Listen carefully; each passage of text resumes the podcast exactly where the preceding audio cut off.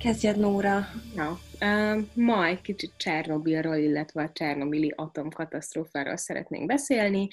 Um, egy rövid összefoglalót, hogy mi történt, illetve néhány olyan dolgot még majd utána, hogy milyen hatása volt ez, e, ennek az eseménynek az emberekre, uh-huh. uh, stb. Akkor kezdem a rövid összefoglalóval, jó? És akkor közben... Jó. Ja, hozzátenném, hogy megnéztem Vujstrudkolnak a dokumentumfilmjét. Jó volt? Amúgy jó volt. Nem is annyira buta ez az ember, mint amennyire gondoltam. Nem, amúgy egészen jó dolgokat csinált szerintem uh-huh. ebben is, meg hát így, ja, nyilván vannak furcsaságai, meg voltak, meg mit tudom én, meg nem lesznek is, de hogy egyébként meg ilyen jó dolgokkal foglalkozik, úgyhogy... Ja, ja, ja, ja, ja. Na, nyomassad. Atomkatasztrófa Csernobilban. 1986. április 26-án éjjel következett be a Csernobili atomkatasztrófa, az emberiség történetének legsúlyosabb nukleáris balesete, mely, az, mely során az ukrajnai SSK területén található erőmű egyik reaktora felrobbant. A Szovjetunió energiaügyi és nehézipari minisztériumai 1969. június 19-én hoztak döntést arról, hogy a tagköztársaság energiatermelésének növelésére Csernobil városa mellett atomerőművet létesítenek, amely a Leningrádi és a Kurszki erőműhöz hasonlóan RBMK 1000 típusú, azaz dúsításmentes uránt alkalmazó erőmű volt. Ja. Ez volt valószínűleg. De amúgy megnéztem, hogy mi az az atomerőmű, mert oké, okay, hogy atomerőmű, de hogy lehet több mindenre használni, és akkor ez elvileg az extra elektromosság termelésére jött létre, hogy mindenkinek legyen jó sok áram legyen, az cső. Jó sok áram legyen. Csernobilban négy reaktort alakítottak ki, melyek egyenként 1000 megawattos teljesítményre voltak képesek. A Kijevtől 130 kilométerrel északra fekvő erőmű első reaktora 77-ben lépett működésbe, és további 7 év kellett, míg a negyedik reaktor is elindult, és elérte az 1 gigawattos teljesítményt. Ezért igen, tehát ugye ezek ugye nagy teljesítményű dolgok voltak. Mi a konnektor 25? Mi? Igen, igen. 25 kilowatt. Kilowatt szerintem, igen, nem. Hát valami ilyesmi. Ez meg egy gigawatt. Tehát... Dupla V. Igen. Nem feltétlenül ugyanaz, ugyanaz a konnektor teljesítménye. Hát egy, milyen józan parasztésze, mivel hasonlítod össze?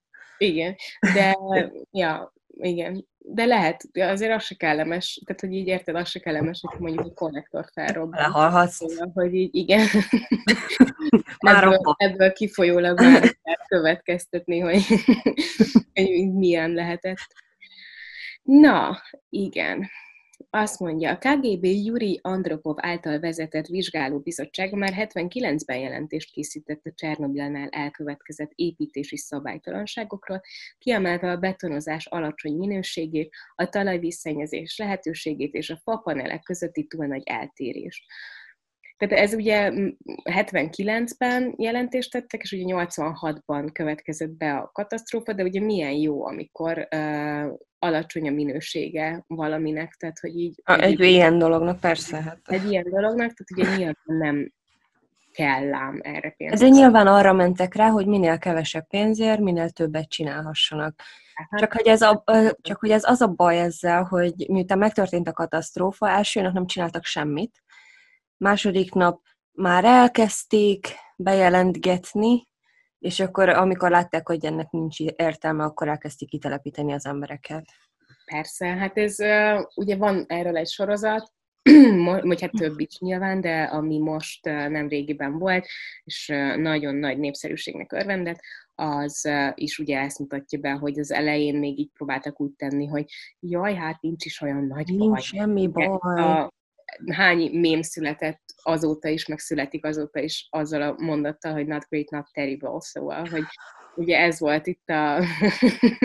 De egyébként, akkor... egyébként ez teljesen nem lehet alkalmazni a történésekre, ami most volt a vírussal, vagy, Persze, vagy ez... egyébként, ami történik, hogy minél szarabb minőséget adjunk el, csak nekünk legyen még egy jachtunk.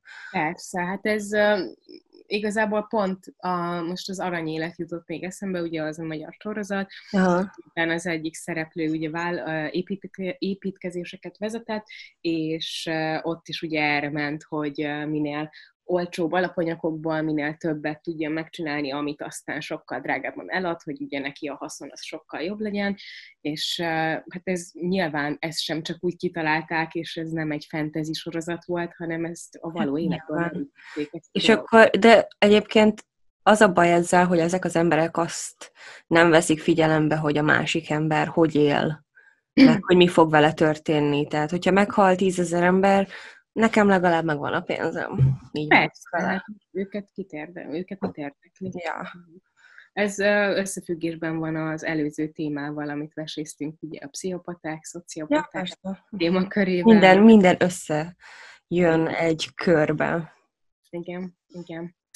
Na, szóval ugye alacsony volt a minősége uh, mindennek. A baleset azonban mégsem működés közben következett be, hanem egy felelőtlenül végrehajtott kísérlet során történt a robbanás. A katasztrófával összefügg, hogy a Csernobil működését felügyelő igazgató korábban széntüzelésű erőművekkel foglalkozott. A reaktor főmérnök helyettese Anatoli Gyatlov tengeralattjárók atomreaktoraihoz értett, tehát a kísérlet során fellépő komplikációt nem is észlelték. Uh-huh. 66. április 25-én éjjel egy órakor indított test során a létesítmény üzemeltetői arról akartak meggyőződni, hogy meghibásodás esetén a reaktor turbina generátora képes-e megfelelő mennyiségű energiával ellátni a hűtővizet biztosító szivattyúrendszert. Jól sikerült, mint ugye tudjuk.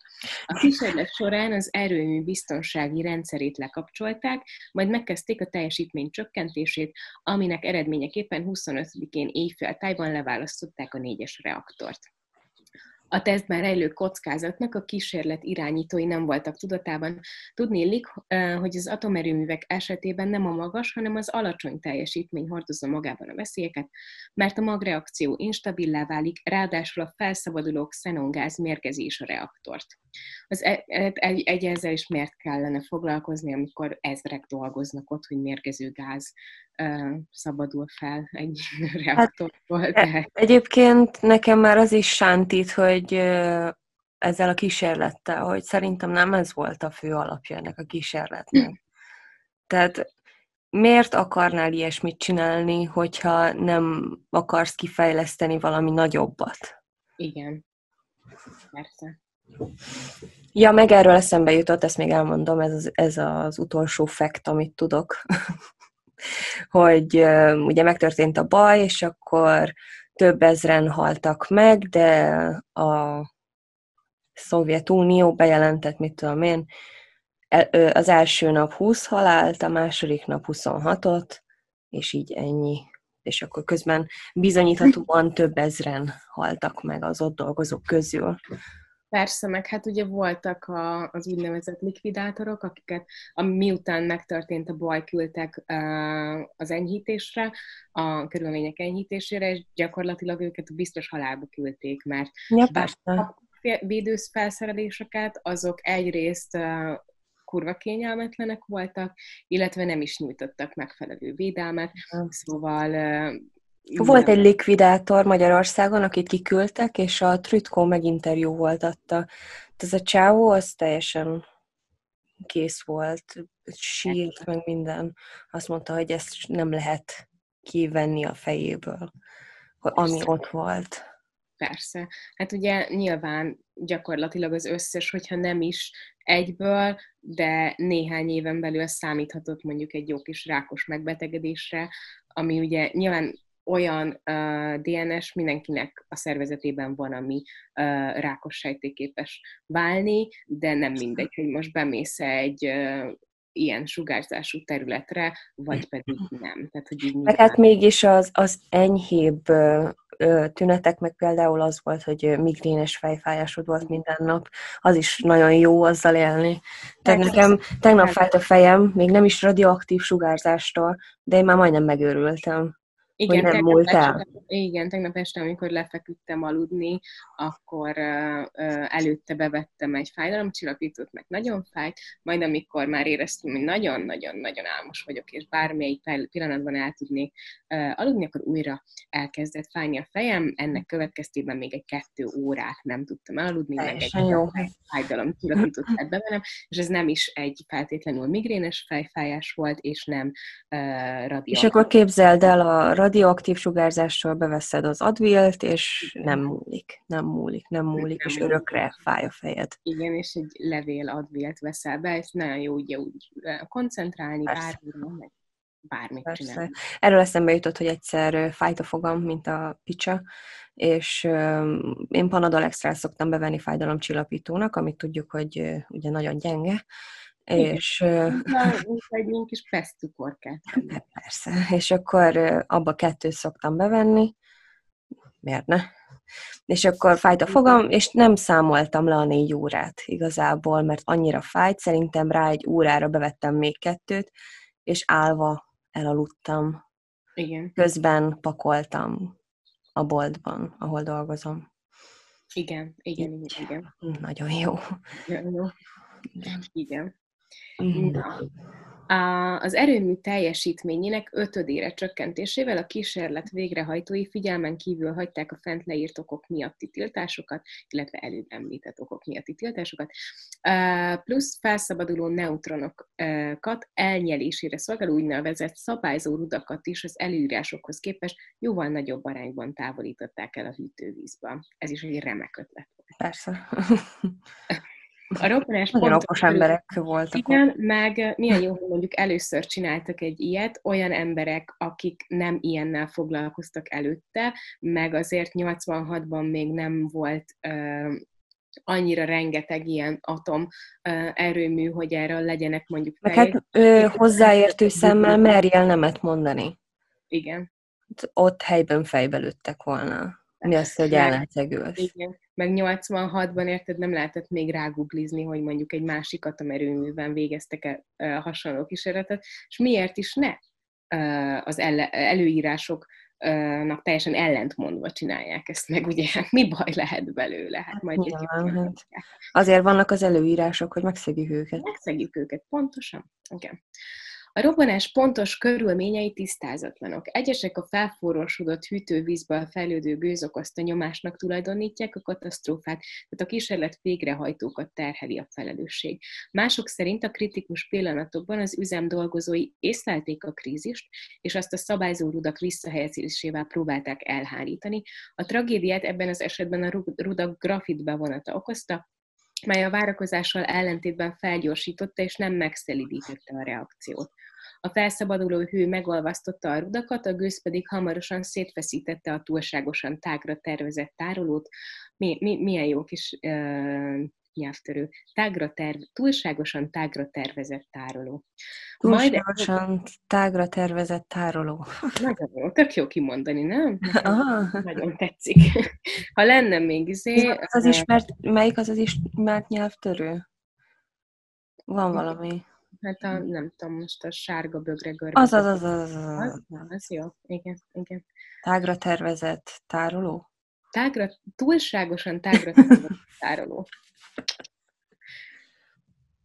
Szóval, a gőz pedig hamarosan szétveszítette a túlságosan tágra tervezett tárolót, valószínű, hogy a sárga bögre görbe bögrét is túlfeszítette volna, majd a robbanás leemelte a létesítmény tetejét. Csak így.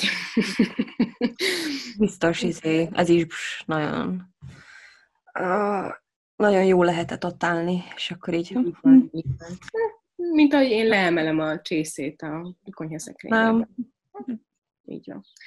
A Csernobili erőmű katasztrófája során becslések szerint 32 ezer ember, ember vesztette életét, és több százan szenvedtek sérülést a sugárzásból eredően, mivel mintegy 50 tonna radioaktív anyag került a levegőbe. Ugye, amikor mondjuk röntgenre mész, akkor is ugye tehát amilyen testrészedet röntgenezik, a többit azt letakarják, hogy ugye ne legyen belőle semmi probléma, és ugye azt ott nem közvetlenül kapott, tehát hogy ezért nem az van, hogy te most beleállsz a radioaktív sugárzásba, uh-huh. hanem teljesen más. És még ott is ugye védő uh, dolgok vannak, hogy esetlegesen ne kapj rákot, meg ilyenek. Meg ugye nem is lehet túl sokszor, tehát hogy mondjuk nem az nem, van, nem, nem, nem lehet. Valamilyen... Azt nézem, hogy van egy olyan számot, hogy mennyitől veszélyes ja, igen, igen, igen. van. Uh, itt nincsen, de arra ki akartam majd térni. Keres rá nyugodtan. Mert hogy 50 tonna igen, igen, szabadult igen. fel, és a természetes sugárzási érték az 2, 2,1, jól látom? Na. Ö, ah, mindegy, addig nyomassad, addig keresed. Jó, jó, jó, jó. Azt mondja, hogy a tragédiát súlyosbította, hogy a létesítmény vezetői a közeledő ortodox húsvét miatt nem tartózkodtak Csernobilban, és az erőmű felszerelés tekintetében sem állt a helyzet magaslatán. Például nem volt a sugárzás mérésére alkalmas műszer. De Ez milyen véletlen, hogy pont akkor nem voltak ott? Persze, meg uh, amúgy mi, miért is lenne sugárzás mérésére alkalmas műszer egy... Egy atomerőműben, hát Minek, minek az? Teljesen felesleges. Főleg akkor, hogyha kísérleteznek vele. Hát. Persze, hát nem hát lehet... Semmi miért baj. gondolsz ilyen abszurd dolgokat? Nem lehet semmi baj, mert ez a reaktor nem tud meghibásodni, jó? Illetve mindenki teljesen hozzáértő, szóval... Persze, meg minden úgy történik, ahogy az le van írva a nagy könyvben. Persze. Alexander Asimov, a személyzet vezetője úgy vélte, a reaktor sértetlen maradt, miközben radioaktív grafit éget körös körül a létesítményben. A kiérkező tűzoltók és a helyi dolgozók rugárvédelmi felszerelés nélkül kezdték meg a tűzoltását, ezért sokan három héten belül meghaltak a radioaktív fertőzés következtében. Szovjetunió hivatalosan nem jelentette be a katasztrófát, védelmi gyakorlatra hivatkozva április 27-én elrendelte a közeli Pripyat város kiürítését, egy nappal később pedig informális beszélgetés során tudatták a szocialista államok szerveivel, hogy a nap túl erős sugárzása miatt aznap nem tanácsos hosszú ideig a szabad ég alatt tartózkodni, a radioaktív felhő ugyanis szétterjedt Európa felett. A titkolózási szándék ellenére a radioaktív balesetre hamar fényderült, Svédországban ugyanis érzékelték a kutatóállomások a megnövekedett radioaktivitást. Nyugat-Európában április 27-én már számos helyen tudósítottak a valószínűsíthető katasztrófáról. Innen szereztek hírt a magyar rádiók is, de felsőbb utasításra hallgatniuk kellett. Végül a Szovjetunió április 29-én ismerte el a Csernobili katasztrófát, ugye, mint mondtuk, április 26-án következett be. Ekkor a különleges, ekkor a kül, ekkorra a különleges egységek egy betonszarkofágot építettek a sugárzó létesítményre, mely nagyrészt magában tartotta a káros gamma sugarakat. Magyarország szerencsés volt abból a szempontból, hogy a Kárpátok hegyei megvédték a Csernobil felől érkező radioaktív felhőtől, mely pánikot szült a kontinensen. Számos országban tört ki a pánik, jó, tabli, jó tablettákat osztogattak, és hónapokig bizalmatlanul tekintettek minden keleti blokkból érkező árura. Uh-huh. A Csernobili atomkatasztrófa többszörösét juttatta a levegőbe a Hiroshima és Nagasaki bombázása során felszabaduló radioaktív anyagoknak. Becslések szerint 3000 szovjet állampolgár halálát okozva. A sugárzás következményeit a rákbetegség gyakorisága miatt nehéz megbecsülni. A Magyarországot ért hatás rizikófaktora alapján 1 millió emberből 10 ember fertőződhetett meg a Csernobili szerencsétlenség következtében. A tudósok összesen 40 ezer rákos megbetegedést tulajdonítanak az 1986-os katasztrófának, melynek hatásai a természetben mind a mai napig jelen vannak. Ö, 50 tonna szabadult fel.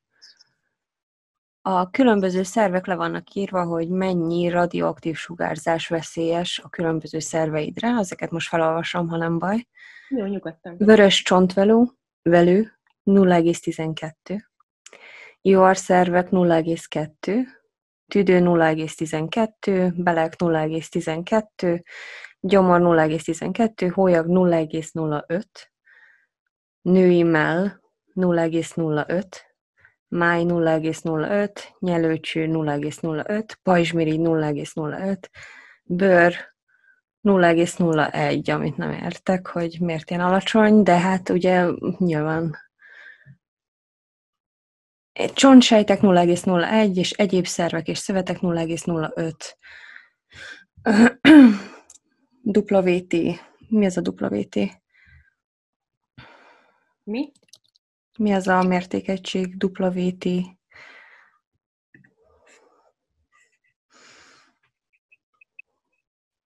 Na mindegy, szóval kitalálhatjuk, hogy 50 tonnától ezek a számok azért egy kicsit kisebbek, hogy mennyi lehet veszélyes az emberre. Szinte egyáltalán nem. Nem, nem. Semmi bajuk. Ugye? Igen. Viszont ugye, tehát mondjuk azt, hogy, hogy mennyire szörnyű az, hogy így eltitkolták, meg később jelentették be, stb. Viszont abszolút tényleg rá lehet húzni ezt, ugyanezt a skatuját a mostani vírushelyzetre, hiszen azt is ugye nem egyből tudtuk meg, Persze. Nem feltétlenül mindenhol léptek egyből, tagadták a vírus jelenlétét, vagy tagadták azt, hogy egyáltalán létezik ez a vírus. De még most is tagadják nagyon sokan, hogy létezik, meg az, hogy ez egy mesterséges vírus, hogy amit direkt elszórtak, hogy megöljenek minket. Igen, igen, igen, igen. Csak most kifejezetten mondjuk a vezetőségekről beszéltem, vagy így államok vezetőiről, mert em, a sima emberek között szerintem tudni találnánk olyat is, aki Csernobili katasztrófát úgy tekinti, hogy ez nem létezett, és azt is csak a, az hát, állam... Holokauszt tagadók is léteznek. Így van, holokauszt tagadók is léteznek, úgyhogy biztos, hogy Csernobil tagadók is léteznek, mint a vírus tagadói is továbbra is jelen lesznek. Csak igen, hogy, hogy érdekes, hogy, hogy azóta is, vagy hogy, hogy azóta sem tanultunk semmit ilyen dolgokból, hogy, hát, hogy mondjuk... Mindig is a pénz fog beszélni, és a pénz fog uralkodni. Persze, hogy, hogy egyszerűen, hogyha mondjuk időben vannak ezek a dolgok kommunikálva, akkor lehet, hogy nem lesz belőlük ekkora katasztrófa. De hát tényleg a, a, a mostani pandémiában is, hogy valahol nem feltétlenül azokat a számokat uh, hozzák nyilvánosságra, tehát mondjuk kevesebb fertőzöttet, mint ami valójában van. Nyilván nem lehet egy pontos számot megállapítani, mivel ugye tudjuk, hogy vannak tünetek. Meg haláleseteket is egy kicsit... De így van, így van. Vagy Még akkor is, melyik... hogyha halsz meg, akkor beírják azt, hogy a Covid-ba haltál meg. Igen, meg uh, volt, nem is tudom most hirtelen, hogy melyik ország volt az, ahol ugye a halottakat is gyógyultként tartják számon. Szóval, hogy mert hát érted, ő már nem egy fertőzött, nem, nem egy aktív, nem, nem aktív fertőzött, szóval hát ki hogy gyógyult meg a Covid-ban? Hát az a baj, hogy a statisztikák többet érnek az embereknek, mint az, hogy meg tudjunk élni ezen a kurva világon. Nem elég nehéz így is megélni. Még, még ezekre még tegyünk rá, mit tudom én, 60 lapáttal.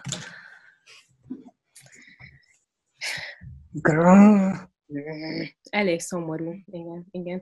Ugye azóta, mióta, vagy miután történt ez a dolog, jó pár évtizeddel később újra megnyitották ezt a területet a turisztika szempontjából, és ugye meg lehet látogatni ma már azért nyilván biztonságosabb, viszont még mindig egy-egy sugárzásmérő azért besír ott a Hát de azt mondta, azt mondta a filmben a Trütko, hogy van az A-zóna, ami ugye legközelebb van a reaktorhoz, az a legveszélyesebb, de egyébként a többi területen már tudott úgy járkálni, hogy nem volt rajta védőfelszerelés, meg ilyesmi.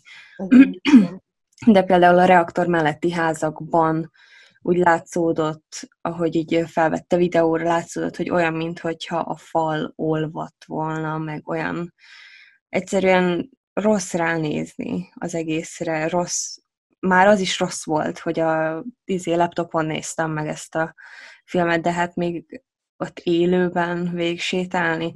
Meg a legnevetségesebb az az, hogy van egy ajándékbolt Csernobil előtt, és akkor ilyen Csernobili fagyit lehet venni, lehet venni ilyen szuvenír, likvidátoros maszkot, matricákat, és akkor mondta a csaj, hogy hát igen, a matricák a legjobbak, azokat veszik a legtöbben. Na, hát ez tök jó. Teljesen jó. Csernobili jégkrém. Igen. Van egy másik uh, dokumentumfilm, amit láttam, az pedig uh, azokról az emberekről, leginkább idős és leginkább nénikről szól, az is a címe, hogy uh, The Babuskas of Chernobyl, mert ugye volt ugye amikor megkezdődtek a kitelepítések, akkor volt néhány ember, akik, uh, aki ezt refusolta, hogy őt már pedig ne vigyék el, és ugye ők, akikről ez a dokumentum uh, film szól, leginkább ilyen 80 plusz, meg 90 pluszos nénik, és ugye ott élnek Pripyat közelében, egy-egy kis házban, és tök durva, hogy ők ugye úgy azt mondták, hogy ne, nem érdekel, mert hogy ők tudják ennél sokkal rosszabb dolgokat. Van még két ember, aki még mindig ott él. Igen, igen, igen, igen. De volt, volt egy uh, néni, aki mondta, hogy ő túlélte Stálint is, úgyhogy túl, túl fogja élni. és amúgy tök durva volt, mert hogy uh, uh, vitték a, egyrészt igen, másrészt meg vitték ilyen vizsgálatokra, és hogy ilyen tök jó értékei vannak, szóval, hogy ő így nagyon durva. Lehet, hogy ő izé, szuper babuska. Amúgy lehet, igen, igen, igen. Meg uh, nyilván, tehát hogy ebből a szempontból egyébként megértem őket, hogy ott nőttek fel, ott születtek, ott éltek, mit tudom én, 60 évet, amikor ez történt, és hogy azért most 60 év után őt már ne vigyék el sehova, hogy tehát, máshol kezdjem. Ja. És uh, náluk minden, jó, tehát nyilván nem a teljesen a közvetlen közelében éltek ennek a uh, dolognak, mert azért elég nagy uh, Jó, de hát a sugárzás elvitte a szél Amerikáig. Értem, hogy elvitték. Annyira, ne, annyira nem volt biztonságos, hogy minél messzebb laktál, annál jobb. Nyilván, csak hát, na. Hát ja, ja, ja. Valamilyen szinten meg lehet érteni őket is, hogy nem akartak elmenni a szülőhelyükről, meg ahol kiskoruk óta felnőttek, meg az ő gyerekeik mászkáltak.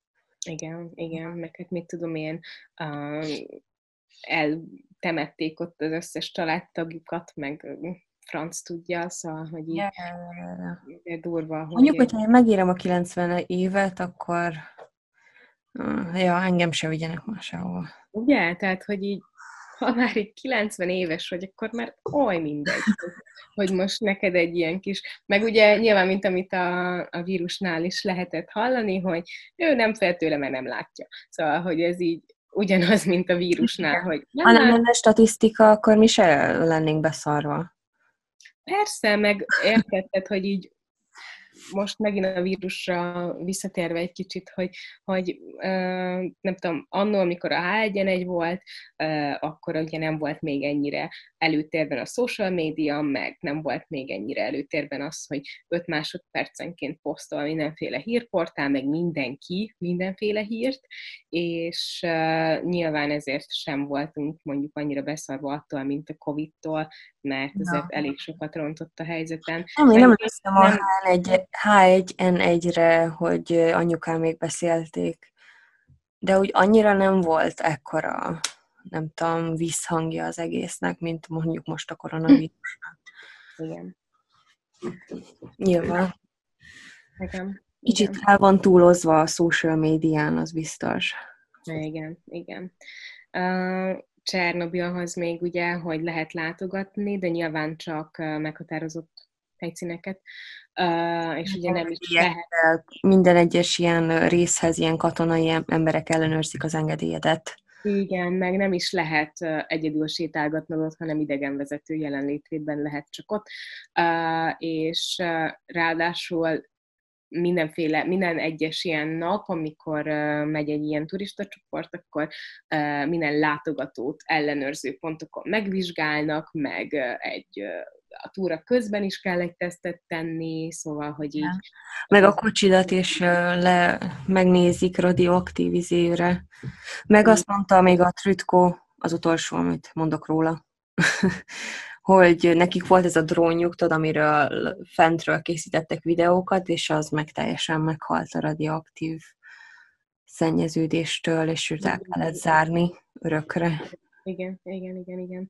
Meg uh, nem lehet megérinteni épületeket, nem lehet uh, leülni, semmit nem lehet letenni, szóval, hogy azért ott, ott is egy ilyen distancing kell, hogy legyen. Ja. De pont ebben a bábuskás uh, doksi filmben volt az, hogy, hogy azért természetesen illegálisan ugye az emberek uh, ugyanúgy bemásznak a területére, meg nem tudom, szóval, hogy nagyon durva uh, ellenőrzéseket kell ott csinálni, mert hát uh, volt, volt egy ilyen uh, gerilla akció, hogy így az erdőn keresztül, csak úgy nyilván nem lehet teljes mértékben annyira lezárni, mivel ott van egy erdő például, amit most ja. így egész könnyen el lehet menekülni egy erdőben, úgyhogy mondjuk nem vesz észre izé, és most ezért ne három milliárd ember dolgozzon ott az erdőben, hogy kiszűrje azt a két hülyét, aki be akar mászni illegálisan. Nagyon és volt egy ilyen gerilla akció, hogy ő így, ott van ugye egy folyó is, ami ott folydogál, nyilván még fullra uh-huh. tele volt radioaktív uh, dolgokkal, és akkor ő beleívott, mert miért ne? Ez, ez is hasonlít a... Ilyen, izé, natural selection. Igen, meg ez is hasonlít itt a koronavírus idejében, a, amikor a, az a kihívás volt, hogy, izé, hogy lick the toilet challenge. Ugye? Ó, Amerikában most vannak az aktivisták, akik ugye azt akarták, hogy nyissanak ki mindent, mert hogy mi lesz a bizniszsel, mi lesz a pénzzel, és akkor az egyik csávó úgy mondta, hogy köhögjetek rám, meglátjátok, hogy nem leszek vírusos. És akkor volt egy riporter, ugye maszkba volt, és akkor így oda ment hozzá, hogy mi, mi az rajtad, mi az rajtad? Mitől félsz, nem vagyok fertőző. Igen, láttam azt én is, meg ugye ilyen fegyverekkel tüntetnek, meg mit tudom én, Persze. amire minden. Amerikaiak. Igen, minden amerikai nézőtől elnézést. Kérünk tisztelt a kivétel. Rengeteg amerikai nézőnk van egyébként. Sosem lehet tudni, érted? Legyünk Amerikai magyarok lehetnek, de hát akkor ők már alapban nem amcsik. Igen, igen. De meg de tudom neked. Hogy lehet, hogy van, úgyhogy legyünk volkorek. De várjál, várjál. Igen, megmondom neked. Megmondod? Jó. Igen. 34 százalék. Mi fasz. Hungari 49 százalék, UK 10, Írország 2, és a többi meg egy. Jó sok magyar van Amcsiba. Sziasztok! Sziasztok! Hello! Minden jót nektek. Igen. Igen. Ti nem vagytok hülyék. A tüntet hülyék. Nem, hát amúgy ez olyan, hogy mindenhol vannak hülyék, mindenhol. Né- néhány helyen többen azért nyilván, de... Ja. több a populációnál több hülye van. Persze, tehát hogy ez így egyenes arányosan nő. Magam. Én ennyi voltam. Ennyi voltál? Kocsis Franciska gyilkosságát hoztam el. A, tíz, a 11 éves... Mi a fasz? Mi történt? Jó. A 11 éves kocsi, kocsis Franciska eltűnését 2000. május 4-én jelentette be az édesapja. A rendőrség az ilyenkor szokásos államigazgatási eljárás keretében kezdte meg a vizsgálatot. Többször kihallgatták a kislány iskolatársait, eredménytelenül. Franciska holtestére több mint két hét múlva a 18. kerületben a Száfa utca és Flor Ferenc utca között Flor Ferenc utca által határolt kiserdőben egy kerékpározó gyerek talált rá, aki csak másnap merte megmondani otthon, hogy mit is látott. A májusi melegben hamar bomlásnak induló holtest azonosítása napokig eltartott, az első szakértői jelentésben még úgy fogalmaztak, hogy csak annyi biztos, hogy hölgy a gyilkosság áldozata. A nyomozók nem, jár, nem zárják ki, hogy holtan vitték az erdőbe. A szűkszavon a rendőrségi jelentés mellett megindult a hatásvadászat is. Blick május 21-i számában arról írt, hogy az áldozatot megfojtották és felgyújtották a budapesti halálerdőben. Jó kis neve van ennek az erdőnek. Halálerdő, igen, igen, uh-huh. igen. Arról hallottál már? Voltál uh, már? Micsoda? Voltál már a halálerdőben? Nem voltam még a halálerdőben. De ez a 18. kerületet úgy látszik, hogy... Ez valami, ott oda nem megyek soha. Úgy, úgy gondolom. Nem, Amúgy halálerdőről én nem, Magyarországon még nem hallottam, de van ez a japán halálerdő, ahova az emberek meghalni járnak. Ja, igen, igen. Nagyon, igen. felakasztják magukat, azért mennek igen. oda. De a magyar halálerdőről még nem. nem. De hát 18. kerület, ez a halálkerület gyakorlatilag. Na jó, az jó hely. Akkor, Úgy, akkor oda még legközelebb, nem? Lakni. Oda költözöm ahol minden erő, mindennapos az erőszak és a borzalmas gyilkosságokon már szinte senki sem lepődik meg. Ez volt a mondat vége. Az igen. Néhány nap múlva azonban nem csak az áldozat személyazonossága derült ki, hanem az is, hogy Kocsis Franciskát két iskolatárs a 13 éves Máté és a 14 éves Viktória csalta ki az erdőbe, ahol meggyilkolták őt, sőt egy héttel az eset után visszamentek a helyszínre, ám miután a holttestet megközelítették, megijedtek, és végül nem nyúltak hozzá. Lehet, hogy, lehet, hogy volt bennem valamilyen kíváncsiság, mindenkiben van, hogy milyen, amikor valakit megölök. Ez a mondat a 13 éves nem, 13 éves Mátétól származik. Ennek az egyetlen válasznak az ellenében súlyos kérdések egész sorával szembesült mindenki, aki valamilyen módon kapcsolatba került a Kosis Franciska meggyilkolásával. Ö, mindenki ki akarta nyomozni, meg ö, igazságot szolgáltatni, meg törvényt akartak szigorítani, meg ö, minden egyes újságolvasó és tévénéző hallott róla, és arról, hogy mi történt a Lőrinci kiserdőben a 11 és fél éves kislányjal. Május 20-án épp... Rossz volt az értékrendje. A rossz fiúk. Ja, persze. Persze. értem. Május 20-án van épp 20 éve annak, hogy az egész Magyarországot megrázó gyilkosság napvilágra került. Az áldozat 12 éves volt, az a kisfiú, aki a 18. kerületi Száfa és Flor Ferenc utca közötti erdős részen biciklizve felfedezte a holtestet, megrémült, és először nem mert szólni senkinek, ezt már mondtam, csak, csak utána hívták ki a rendőrséget szülei. Bla, bla, bla. El is ájultam volna szerintem, vagy nem is tudom. Nem. 11-két évesen egy holtestet találni vagy meg bármikor gyakorlatilag, tehát hogy bármikor, de hogy igen, így... Igen, igen. Meg hát az is mutatja ezt, hogy egy napot várt, tehát ő nem tudta elképzelni, hogy nem, nem szerintem próbálta összerakni a kis agyában, hogy mit is láthatott. Valószínűleg amúgy, igen. igen. igen. A rendőrök akkor már két hete keresték Kosis Franciskát, a, 10, a 162 centis 38 kilós kislányt akinek eltűlésekor az egyik karja váltól lefelé végig gipszben volt, és fekete lakfélcipőben fekete lakfélcipőt viselt, krémszínű hosszúnadrágot és halványkék trikót. Franciska, akit az édesapja Kocsis János nevelt, egy csütörtöki napon délután kettőkor tanítási idő után elindult az iskolából, de haza már nem ért. Miután hiába várta otthon, az apa 7 óra után értesítette a rendőröket és még ilyen keressük Franciskát plakátokat is ragasztott ki szerte a városban. Igen.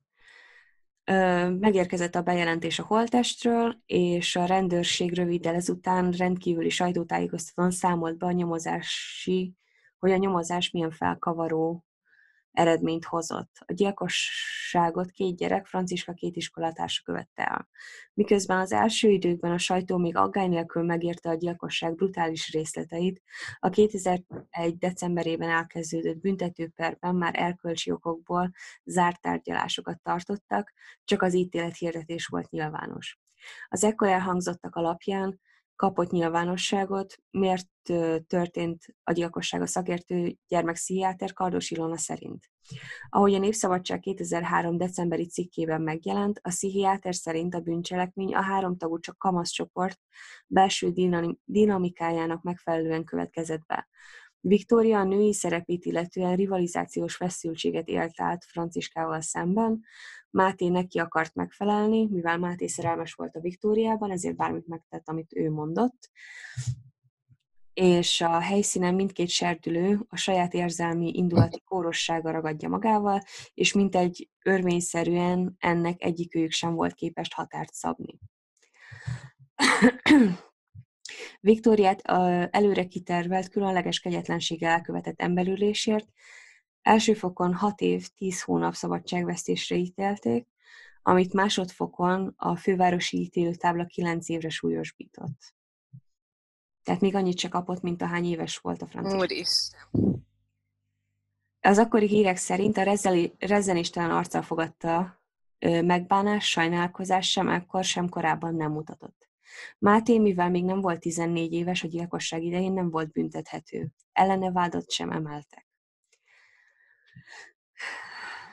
És akkor ő felnőtt azóta, és nem történt? Várjál, most jön. A fiú büntetlenségére büntetlenségének híre mellé egy könnyen maga elé képzelhető képet is kapott. Megjelent a sajtóban, hogy két hónappal a gyilkosság után Máté állítólag már a szüleivel a Balatonnál nyaralt. A magyar hírlap megkérdezte erről 2000. júliusában az ügyet vizsgáló rendőrszázadost, aki válaszul azt közölte, hogy az első intézkedése volt a fiú ideiglenes elhelyezésének kérése, de 30 napra utalhatja be csak a gyerekkorú elkövetőt a gyámhivatalnak. És a gyámhivatal 30 nap után elbírálja, hogy árvaházba, hogy elveszi a szülőktől a gyereket, vagy visszaadja őket. És mivel az anyja úgy döntött, hogy otthon marad a gyerekkel, ott hagyja a munkahelyét, és hogy folyamatosan figyelni fogja, ezért úgy döntött a gyámhivatal, hogy visszaadják Mátét a szülőknek. És el van rendezve. Úristen! Fasz. Ez hogy? Családgondozót rendeltek ki melléjük, aki személyesen kiárt hozzájuk, és telefonon napi szinten be kellett számolniuk neki. A fiúval pszichológus, a család egészével családterapeuta kezdett foglalkozni. Továbbá a gyámhivatal javaslatára állandó szülői felügyelet, felügyelet alá került, és magántanuló lett Máté. Az anya vállalta, hogy ott hagyja a munkahelyét, és mindig, hogy mindig vele tudja lenni. A szakértők úgy, élt, úgy ítélték meg, hogy ha zárt közösségbe nevelőintézetbe kerül, akkor ott a fiú időzített bombaként működne. A szülőkkel, a, marad, a szülőkkel maradás mellett szólt, a fiú korábban nem került ö, a gyerekvédelem látókörébe, a család életvitelével nem volt gond. Átlagos szociális helyzetű családról volt szó, mint a Máté és Viktória esetében. A gyerekek ugyanakkor mind a hárman egy olyan speciális, egyébként ma is működő második kerületi iskolába jártak, ahova az átlagnál nehezebben kezelhető tanulási vagy beilleszkedési nehézséggel küzdő gyerekek tanulnak. Franciska édesapja akkori elmondása szerint matekból volt gyenge, azért járt oda. Nyilván meg kellett halnia. Hát mert matekból gyenge volt, és egyébként meg amúgy is rossz volt. Egyébként is 11 éves volt, és trikóban járt.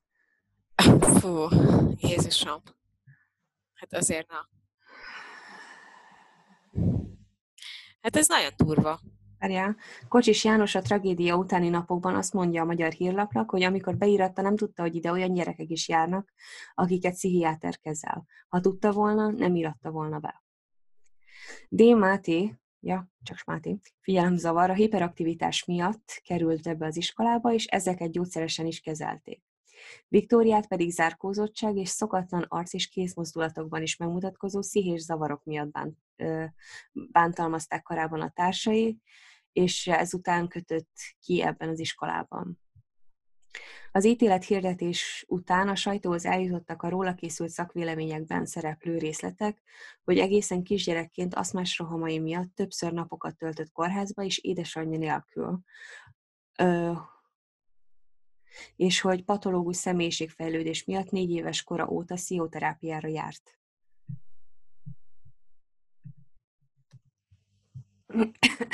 Hát ami, annyira, ami annyira felkavaró Kocis Franciska ügyét, részben épp ezekben a körülményeknek az összessége. A gyilkossá váló gyerekek által átlagos családokban nőttek fel. Voltak ugyan ismert problémáik, de elvileg megkapták a szükséges segítséget, a lehető legjobban rájuk szabott iskolába jártak, pszichiáter, terapeuta foglalkozott velük. Uh, A sajtóban akkoriban még az is megjelent, hogy a gyilkossá vált gyerekek egész pontosan mit néztek, a Dragon Ball nevű japán anime sorozatot.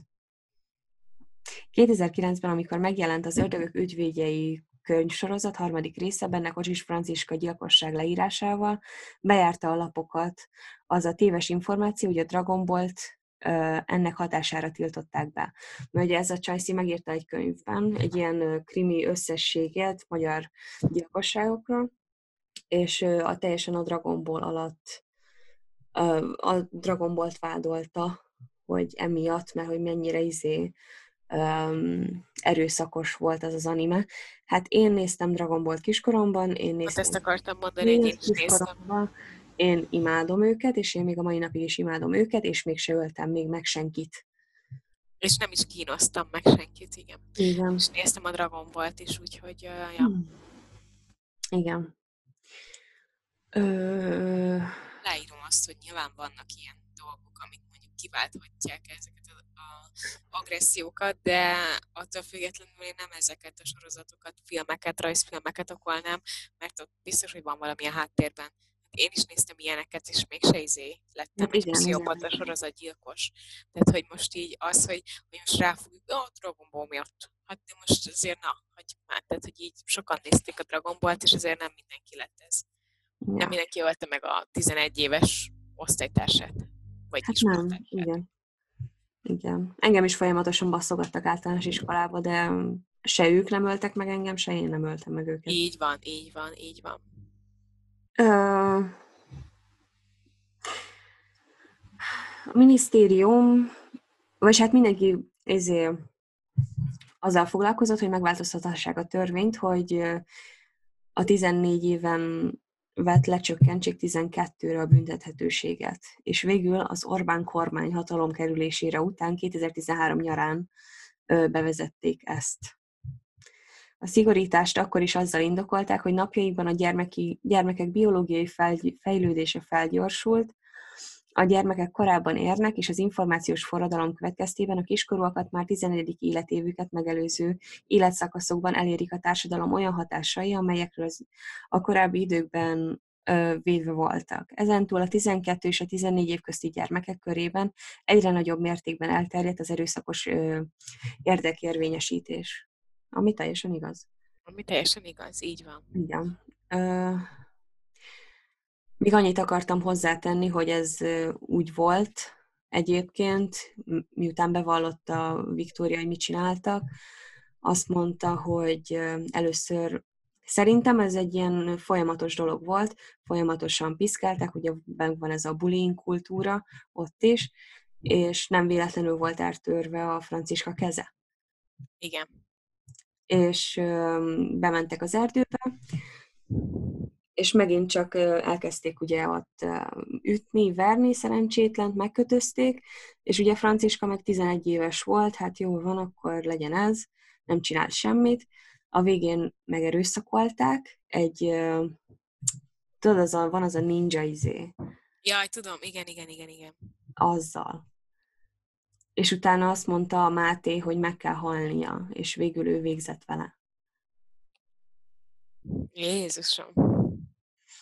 Na mindegy, a lényeg az, hogy ugye Viktória kilenc évet töltött le a bőriben, és a börtönben nagyon keményen kibasztak vele ugye a cellatársak, meg mindenki, addig mosatták vele a ruháikat, ameddig le nem jött a bőr a kezéről, meg folyamatosan megverték ott bent Vikét, meg ilyesmi. Úgyhogy ő legalább kapott egy jó kis ízelítőt arról, hogy hogyan is zajlanak ezek a dolgok, de ugyanis, de ugyanúgy kijön 23 éves korára. Tehát persze, már, persze, van, persze, tök jó. Igen, Máté meg ugye a Balatonon nyaralt két hónap után. Igen, igen. Elképesztő, elképesztő. Itt uh, nincsen dokumentumfilm róla, azért találtam cikkeket, mert hogy most volt a 20 éves évfordulója. Ja, ja, ja, ja, ja, aha. Uh, úgyhogy nem találtam kommenteket, de talán jobb is. Valószínűleg jobb is, igen, igen, hogy nem találták kommenteket. Igen. igen. Istenem. Ez többenet amúgy. De amikor elolvastam, én nem, nem akartam elhinni. Hát tényleg. Egyébként egy uh, Unusual Ledger rajongó küldte nekem ezt a cikket. Igen? Aha. És belenéztem az elején, de nem voltam hajlandó végigolvasni, mert már az elején láttam, hogy úristen, ez egy nagyon elbaszott ügy. De aztán mondom, jó, ide a Patreonra még okés, hogyha felrakjuk. Igen, itt vannak az elbaszott ügyek. Igen. Ja. Na. Na, nagyon durva volt. Ja. Ja, azt még elfejtettem mondani, hogy beperelte Kozsis János, ugye az apa a két családot, megnyerte a pert, 10 milliót kapott, kiköltözött egy elszigetelt tanyára, és összeroppant idegileg. Elvesztette a lányát. Az anyja, mert ugye külön éltek. Igen, igen, igen. Az anyja meg a tévéből tudta meg, hogy meghalt a gyereke. Az igen. Az igen. Elképesztő. Ja, hát meg itt nyilván volt ez, hogy az anyja roma volt, és hogy fél roma volt a kislány, és hogy izé, hogy, hogy ez mennyire hatásolta azt, hogy hogyan bánnak vele, meg ilyesmi, de azt direkt nem raktam bele, mert szerintem nem, bef- nem kéne befolyásolja ez. Hát nem, de biztos, hogy befolyásolta, sajnos. Ja. Igen. Na, hát jó lesz ezután dolgozni.